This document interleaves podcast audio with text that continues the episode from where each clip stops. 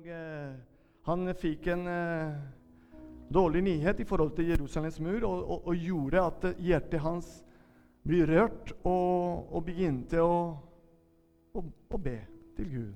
Han begynte å ba på en måte som i dag Jeg vil vise dere noen punkter av den bønn, Nehemias bønn, som eh, tror jeg virkelig vi kan ta som eksempel. Ikke at vi skal kopiere, men som kan inspirere oss til å tørre å gå dypere i den bønnedimensjonen. Andre ting som på en måte Nehemia viser oss, er at eh, han var opptatt ikke bare å bygge mur eh, fysisk, men også åndelig sett. Det å sette i gang hele folket, jødere, til å arbeide sammen som et lag, som en team. Og det viser at det, det kan også vi gjøre her i menigheten. Andre ting er at eh, du og jeg kan bli en Nehemia i de steder vi er plassert. Til å bygge en åndelig mur, til å bygge en mur av kjærlighet, omsorg i de steder hvor Gud har plassert oss på forskjellige måter. Og så starte fra hjemmebane til arbeidsplasser eller skoler. Da kan vi bli Nehemias og gjøre en forskjell. Men eh, som jeg sa Å, det er så godt, eh, Heisel. Kan du holde deg litt til? Nehemias bønn, bønn Hvis du kan gå i din bibel, i Nehemias bok, kapittel 1, vers 5-11 Det tror jeg kommer på skjermen. Vi leser i Jesu Kristi navn. Nehemia sa, Å Herre, himmelens Gud, du store og skremmende Gud, som holder pakten og viser kjærlighet mot alle som elsker deg og holder dine bud. La ditt øre lytte og øynene dine være åpne, så du hører din tjeners bønn, som jeg ber til deg nå, både dag og natt. For israelittene, dine tjenere. Jeg bekjenner syndene som vi israelitter har gjort mot deg. Også jeg og mitt farhus har syndet. Vers 7. Vi har handlet ille mot deg og ikke holdt budene, forskriftene og lovene som du ga din tjener Moses.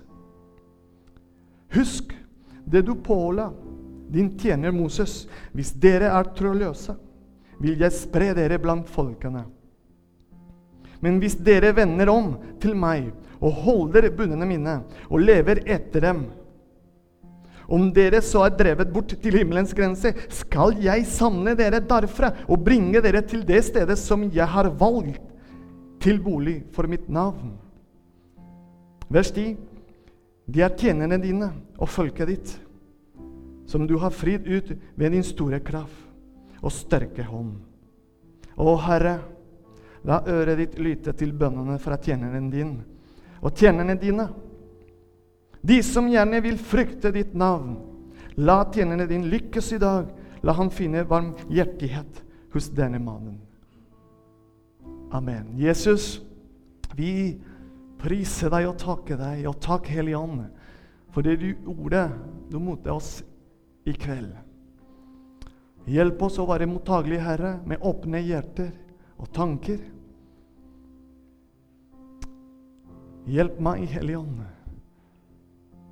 Hjelp mine lepper og tanker til å si det du vil jeg skal si. Hjelp hver enkelt som er her i kveld, til å forstå i sitt indre hjerte, Herre, i sitt indre person, til å ta imot dette for å leve det daglige. I Jesu Kristi navn jeg ber om, Herre. Og alle sammen sier amen og amen.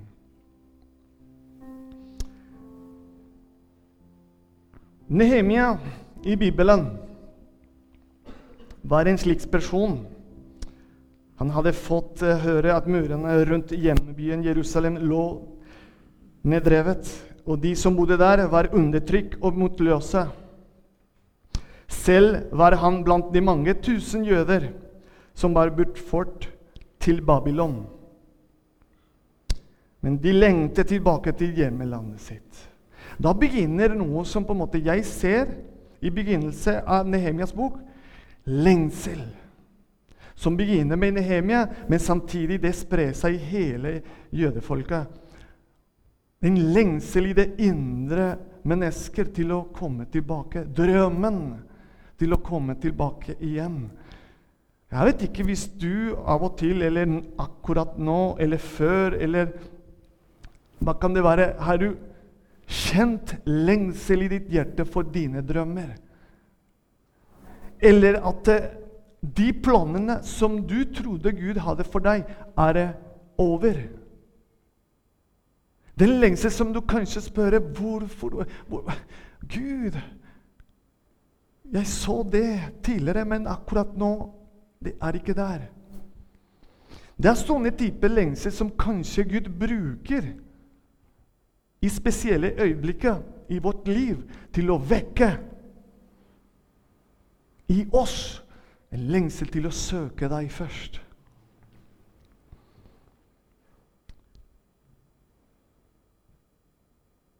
Gud måtte åpne døren for hele prosjektet. I mellomtiden tenkte Nehemia over hva som trenges, og så ba han til Gud med stor utholdenhet. Når jeg sier det ordet utholdenhet Jeg begynte å undersøke og, og, og, lengter etter her underholdenhet i Nye testamentet. For nå vi leser av Gamle testamentet bok. Går jeg til Det nye testamentet, og allerede i 1. Tessaloniker kapittel 5, vers 17 Paulus skriver veldig tydelig til Tessaloniker Be uavbrutt, be uten opphold. Det som blir nevnt her i Nytestamentet allerede Nehemia gjorde i praksis i den første kapittel. Han ba ikke noen timer. Det var fire måneder, sier de teologene som på en måte jeg undersøkte. Fire måneder, dag og natt. Jesus også fortalte mange århundrer senere en lignelse til, ved, til dem om at de alltid Alltid! Merke det ordet. Alltid. Ikke av og til, ikke på søndag, ikke bare i bønnemøte, men alltid. Vi skulle be og ikke bli trette. Hvor står det, Fernando? Kanskje vi kan vise det på skjermen? Det er Lukas kapittel 18, vers 1. Dette er Jesus, folkens. Vår frelse, som sier det. Paulus sa det senere. Men Jesus er veldig tydelig her i forhold til den lignelse. Så fortalte han dem en lignelse om at de, både du og jeg, disiplene, skulle be og ikke miste motet.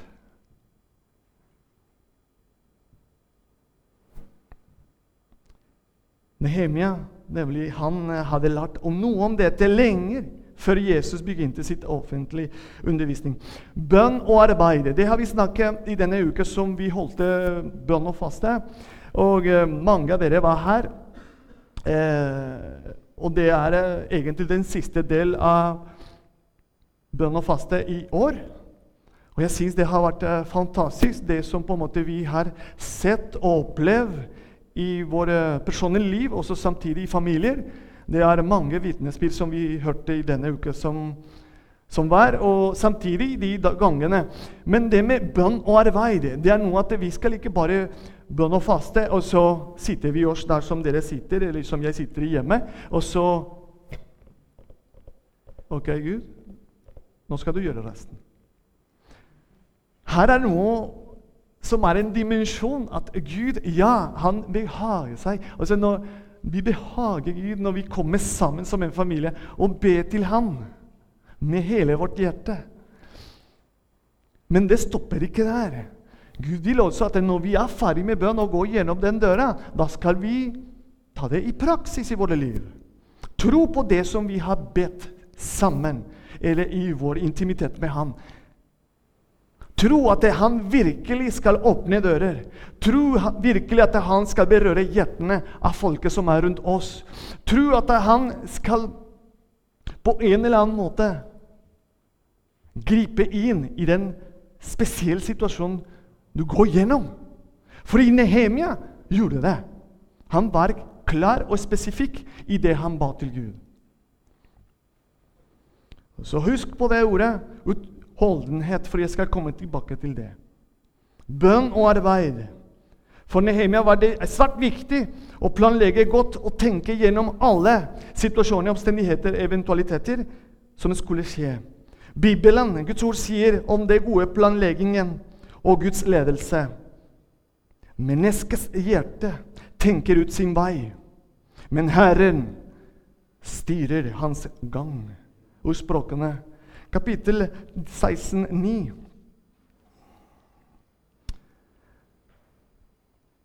På grunn av jeg kom eh, skal jeg si, litt seint på møtet, så jeg håper at eh, disse som sitter der Har eh, dere fant en, en sånn powerpoint som jeg skulle vise her? Ja, fantastisk. Ja, Veldig bra. Det er noen punkter, det er egentlig si punkter som jeg skal nevne av den bønn, Nehemias bønn, som vi skal gå gjennom. Den første punkt, og så, hvis den kommer nå på skjermen Der, ja. Nehemia så klart nøden og ble personlig engasjert av den. Engasjement, folkens. Det er en element som er så viktig for alle oss, at når vi skal be til Gud for noe spesifikk situasjon Vi skal engasjere oss også. Vi skal ikke være passiv, vi skal være aktiv i det vi ber om. Av og til vi er altfor passiv. Vi må tørre å være aktiv og gå inn i den dimensjonen og aktivere troa vårt i det vi ber om. Og det er det Nehemia gjorde. Han ba også aktivere den bønn i handling. Og han begynte å snakke med konge, be om brev og sånn, og, og få det, det, han trengte. Og Gud ga favør i det øyeblikket han begynte å prate med kongen. Og det er noe med det. Kanskje du trenger ikke at du skal bare få det du vil, men at Gud gjennom den prosessen Hans favør skal hvile over deg. Og på en eller annen måte personer som er rundt deg, skal kjenne det. Så mange ganger jeg har uh, fortalt dere at noen av de personer som er ikke vant med menigheten eller er ikke kristen, og så snakker med deg og så sier Oi, men det er så godt å snakke med deg, for det er en god energi. Energi! Det er Guds favør, folkens. Det er Den hellige ånd favør som er over deg, som folk begynner å skjønne. Det er så godt å være med deg. Kanskje de sier Da har du mulighet til å dele hvorfor. Likegyldigheten er en fare for oss alle. Og Det er om den punkten, den første punkten. Den er verre enn både hatt og mye annet. Av og til ser vi ikke nøden fordi vi ikke har stilt noen spørsmål. Naturligvis burde folk si fra hvordan de har det. Men de fleste forteller det ikke, for de vil ikke være selvopptatte og til bry. Og de liker ikke å klage. Men her kommer noe som er veldig viktig. Så kanskje du og jeg føler seg som Ja, jeg, jeg kjenner meg igjen der. Å spørre ut fra nysgjerrighet er en ting. Å spørre ut fra omsorg er noe, er noe helt annet. Da engasjerer vi ikke hodet, men hjertet. Vi kan bli overrasket på godt eller ondt, men det blir en mye varmere samfunn her i Bamble når vi spør hverandre hvordan står det egentlig til med deg fra hjertet ditt. Ikke sånn sånn går det?' Sånn. Men at du ser i øynene. Ta hånden, og så si 'Hvordan går det med deg?' Og jeg har fått mange ganger 'Ja, det går greit'. Den er ikke nok for meg, altså. De fleste ganger jeg hører det, og det vekker noe i mitt ånd som er 'spørre en gang til'. Og da kommer, skjønner du. Da løser seg noe. Da Den hellige ånd gjør sin jobb. Ja, egentlig det går ikke bra. Og da begynner vi en samtale. Tenk at du kommer på jobb og kan være såpass frimodig og si til din kollega eller din venn som er på jobb Som vi må innrømme alle dager er ikke halleluja-dager. Av og til kanskje du våkner, du er trøtt, og så kommer på jobb, og så alt er kaos. Og så det blir vanskelig dag, og så kommer en og spør deg hvordan går det med deg. Ja, greit. Da har du mulighet, selv om det går vanskelig med deg. Det er der hvor troa vårt aktiveres. Det er der hvor Gud bruker oss gjennom det stedet hvor vi er.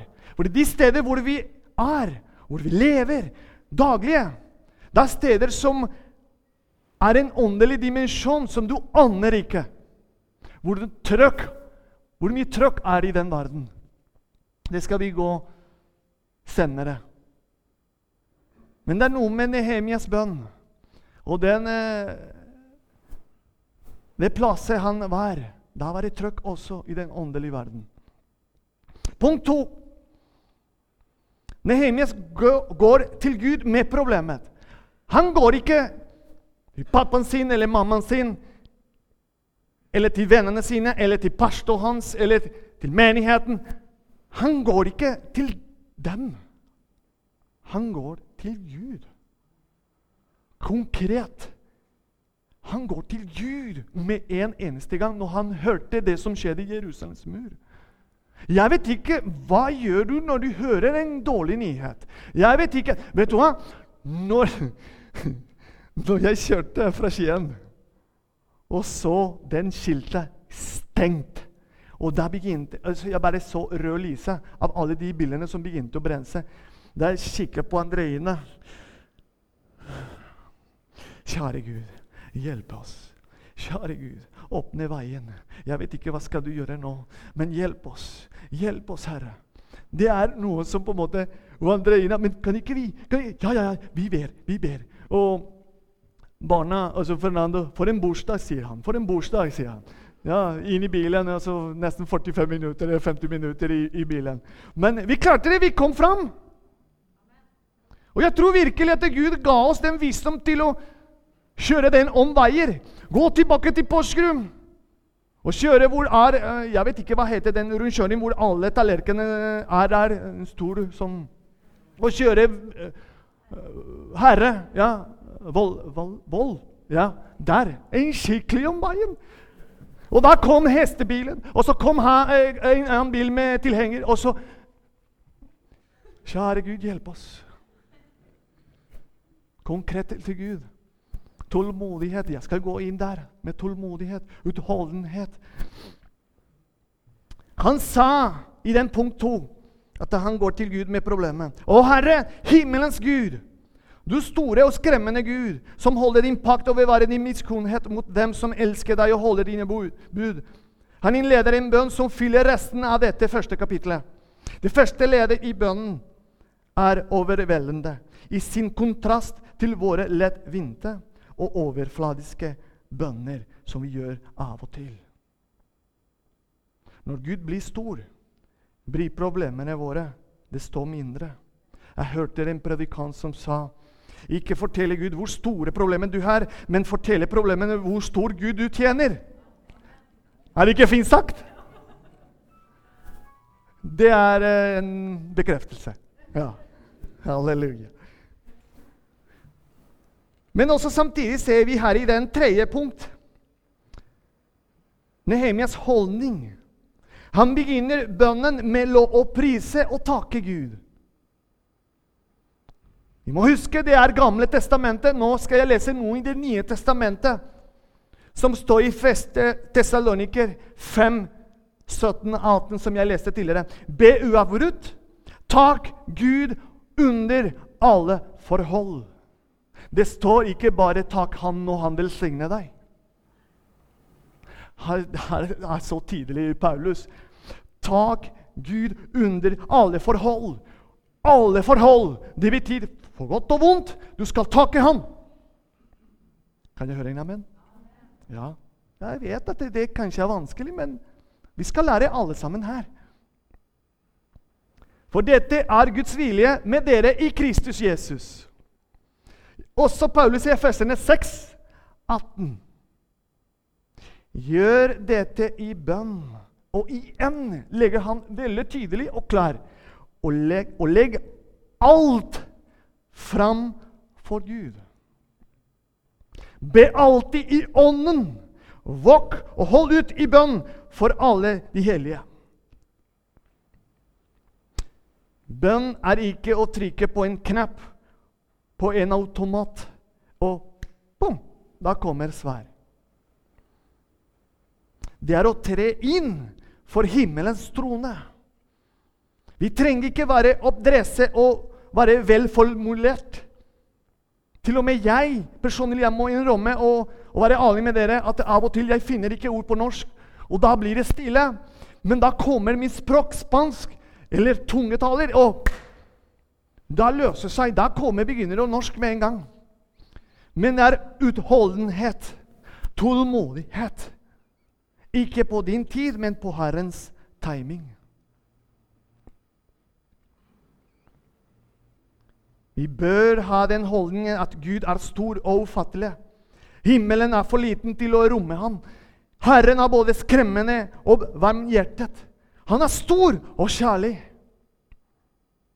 I punkt fire Nehemia bekjenner Her er noe kolossalt viktig for alle oss. Det å bekjenne med våre munn. Ikke bare med altså jeg, jeg, vet ikke hvis det, er, hvis det er riktig å si det på norsk, men man kan ikke bekjenne med sine tanker. Er det riktig? Det går ikke. Man skal bekjenne med munnen. Man skal høre hva man bekjenner.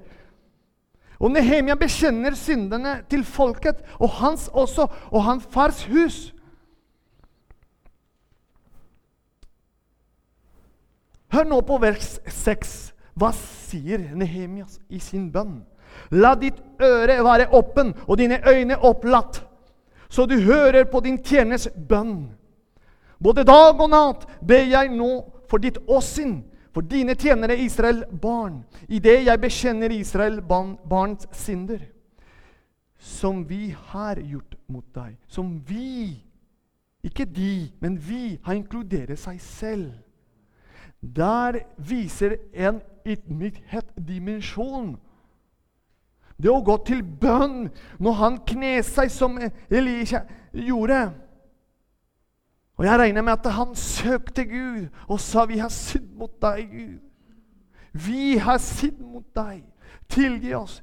Og det er å bekjenne med handlinger også. Både jeg og min far hus har syndet. Syndene er ikke bare Schleifpark og taber de har gjort. Nei, sier han. Vi har gjort disse syndene mot deg, Gud. Han bekjenner at også han selv er en del av problemet. Både jeg og min far hus har syndet. I punkt fem Her, folkens Den punkt her Det er noe som på en måte jeg har allerede begynt å, å praktisere i mitt liv. Og det er at han griper fatt i Guds løfte. I det han sier 'Husk Gud. Tenk på det. Husk, Gud, det du sa til meg, eller det du sa i ditt ord. Husk det du påla din tjener Moses. Hvis dere er trøløse, vil jeg spre dere blant folkene.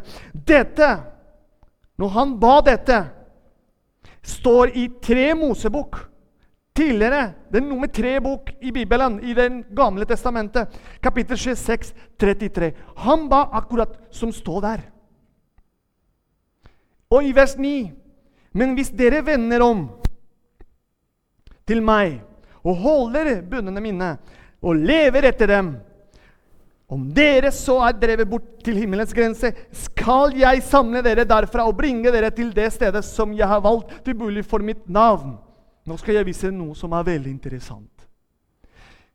akkurat den bønn Hvis man går til andre kronikabok, kapittel 7, vers 14 Den kommer nå på skjermen. Skal vi prøve på det, regimen?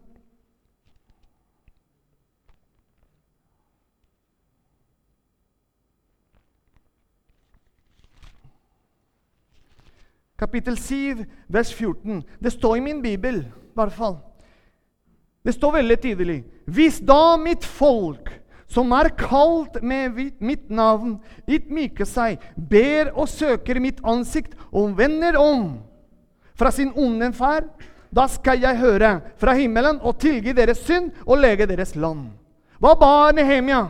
At han minte til Gud.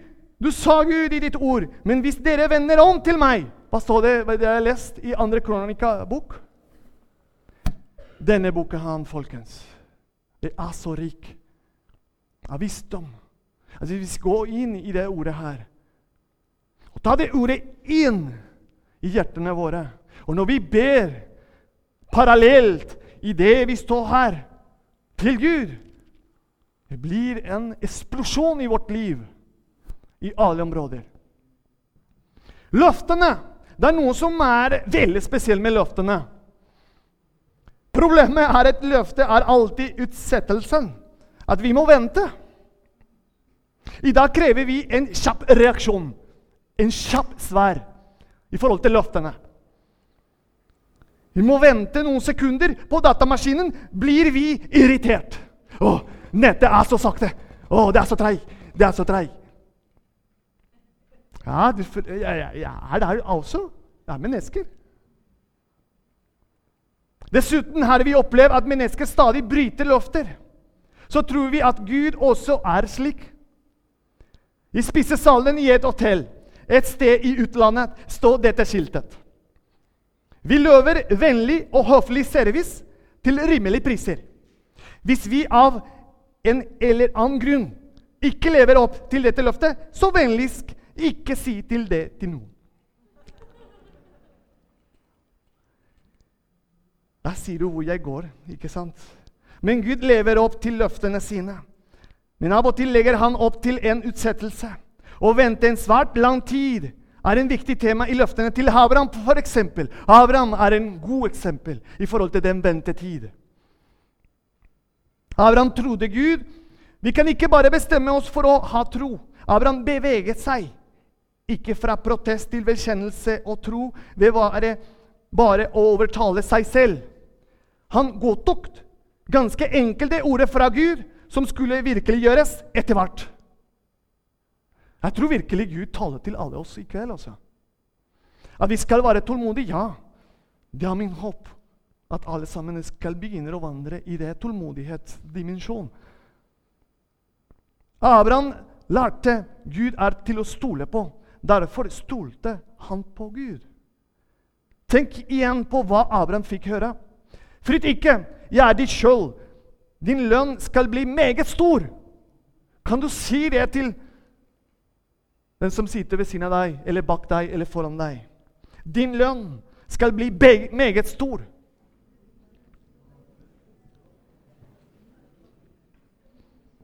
Amen. Abraham trodde. Jeg håper du tror det i ditt hjerte. Han stolte på ordene fra Gud, selv om han ikke hadde konkrete oppfyllelser å knytte håpet til. Det eneste grunnen til dette var at Gud ikke hadde sviktet ham tidligere. Og det er noe fascinerende at jeg husker de ordene som jeg har fått tidligere fra forskjellige personer, og her også i menigheten. Og det setter pris jeg på. at du skal være såpass frimodig at når du kjenner i ditt hjerte at Gud taler til ditt hjerte til å velsigne en annen person, vær frimodig. Med en kjærlig måte, selvfølgelig.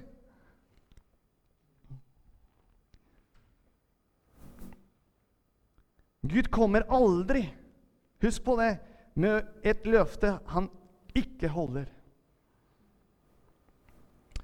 Punkt seks, og nå er jeg nesten ferdig. Det går bra med dere? Det går bra med dere? Ja, det var noen som her, men jeg spurte ikke de. Det, er bra. Veldig bra. Punkt seks. Nehemia legger ansvaret på Gud. Hå? Hvordan er det nå? I vers 10, for han sier, de er tjenerne dine og folket ditt, som du har fridd ut ved din store kraft og sterke hånd. Å Herre, la øret ditt lytte til bønnene fra tjeneren din og tjenerne dine, de som gjerne vil frykte ditt navn. I løpet av noen setninger her nevner han Gud og hans navn, deg og ditt, hele ti ganger. Hele oppmerksomheten hans er rettet mot Herren, mot Gud i himmelen. Det er ikke bare at Nehemia legger ansvar på Gud, men også Nehemia er villig til å ta sin del av ansvaret. Og det er punkt syv. Og Det er der jeg vil at alle oss skal være enige om. Når jeg ser at det er allerede halvtime som har gått, og det går så fort. Men jeg skal fortsette litt. Dere tørre mer, ikke sant? Amen. Han er villig til å ta sin del av ansvaret. Punkt 7. Han stiller seg til disposisjon for å gjøre noe dristig i Herrens navn. Derfor ber han, Å Herre, som jeg nevnte tidligere, den vers 11 Å Herre, la øret ditt lytte til bønnene fra tjenerne dine og tjenerne dine. Og på slutten sier, la tjeneren din lykkes i dag. La han finne varmhjertighet hos denne mannen. La han finne favør. Nehemia er en bønnes mann. Og alle oss skal være det. Det er ikke bare han. Han gripes av nøden, går til Gud, lovpriser Herren, bekjenner sin, griper fatt i Guds løfter, legger ansvaret over på Gud og er likevel villig til å ta på seg sin del av ansvaret. Alle disse punkter innebærer den bønn og Nehemias person. Våre bønner av og til er at Gud ønsker kanskje at det går inn i ovnen i stedet for mikrovolnovn. Kanskje i stedet for å ta heis for å gå veldig fort, trenger vi å gå i trapper.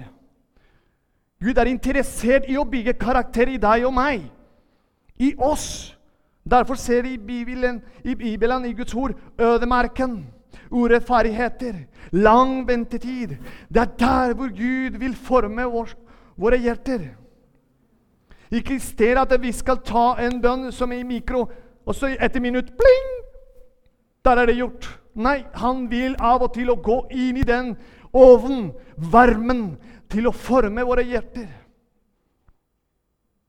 Jeg vet det er vanskelig, men vi må gå gjennom det.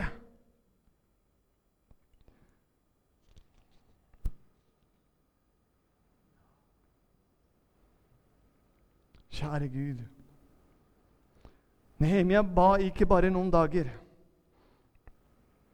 Han ba i fire måneder. Vi er lite kjent med en livsform for bønn. Vi har vært her siden jeg begynte også, Jeg kjente i mitt hjerte og delte dette i Eldsterådet at vi skulle gå inn i faste bønn. Og Jeg må bare innrømme at det var ikke lett i begynnelsen, men etter hvert Gud begynte å lede oss på den formen som Han vil at vi som menighet skal søke Han i det området. Jeg vet at det for mange av dere er ikke som på en måte vanlig, for å si det sånn, men det er noe som er her, folkens, er i Bibelen. Og Jesus sa det sjøl i forhold til bønn og faste. Jeg skal ikke gå inn der, men det er noen eksempel i forhold til den bønnen-dimensjonen.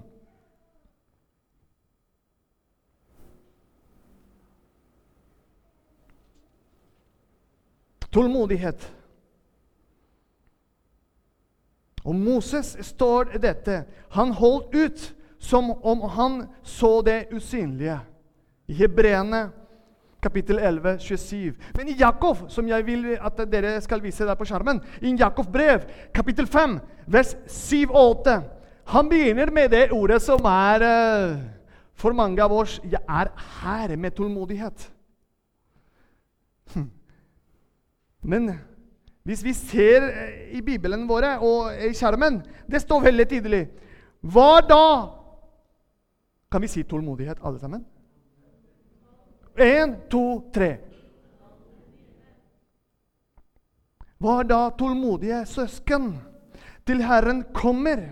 En bonde må vente på den dyrebare grøden fra jorden og være tålmodig igjen. Til både høst regnet, og vår regnet har falt. Også dere må være igjen tålmodige og gjøre hjertene sterke, for Herren kommer snart. Heisel, kan du komme og hjelpe meg litt med pianoet igjen?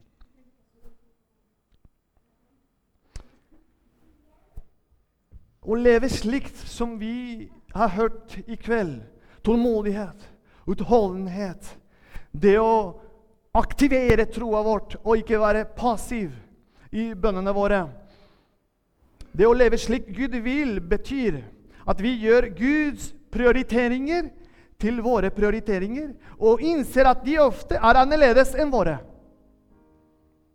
Gud utretter fremdeles alt ved sitt ord.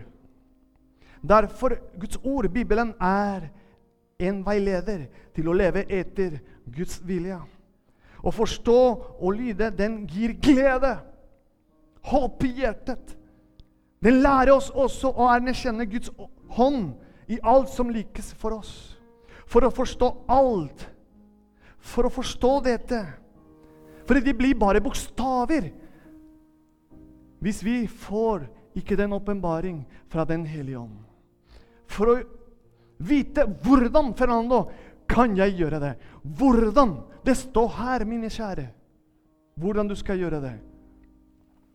Det er gjennom å bli kjent med han som skrev den boka. Forfatter. Forfatter heter Jesus Kristus. Blir du kjent med han, da blir du kjent med ordet.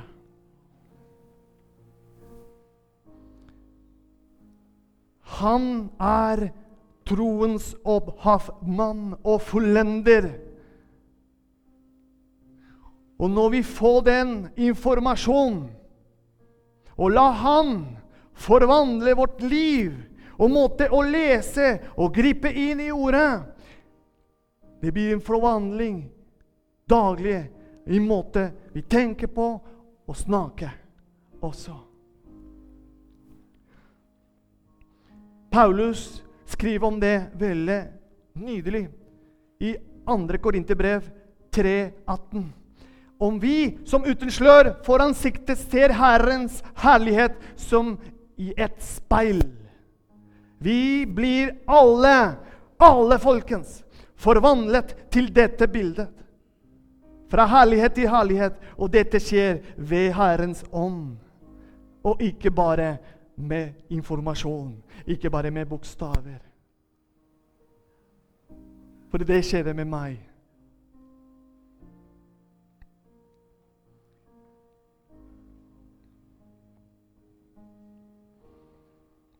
Vi er ny skapning i Kristus. Er du her?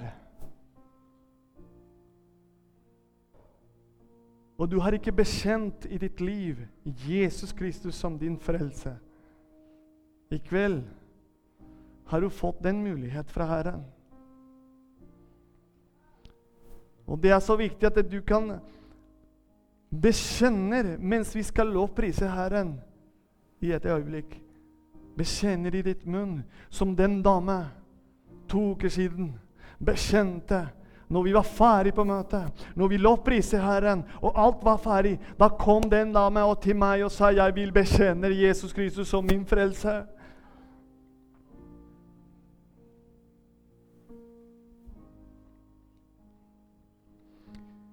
Kan vi reise oss alle sammen.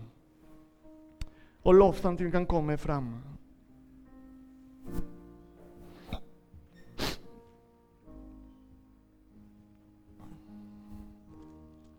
Jesus, hjelp oss, Herre.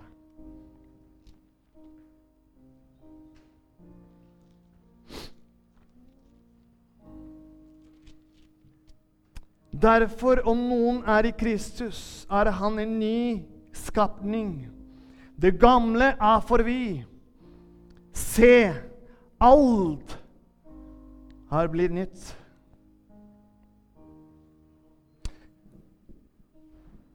I dag, folkens Hør hva står i ordet. For han sier, 'I den rette tid bønnhørte jeg deg.' Han hørte deg. Og på frelsens dag hjalp jeg deg. Se, nå er det den velbehagelige tid. Se, nå er frelsens dag. Vi er kalt til å gjennomprete Bibelens Guds ord, standard og etablere Guds ordninger hjemmene, menigheten og samfunnet. Herre, jeg takker deg for i kveld, Herre. For det du gjorde med oss nå. Fordi du har begynt allerede å jobbe med oss, med våre hjerter. Velsign hver enkel her, Herre. Og hjelp oss, Herre, å vandre i ditt ord med frimodighet. I Jesu navn. Amen.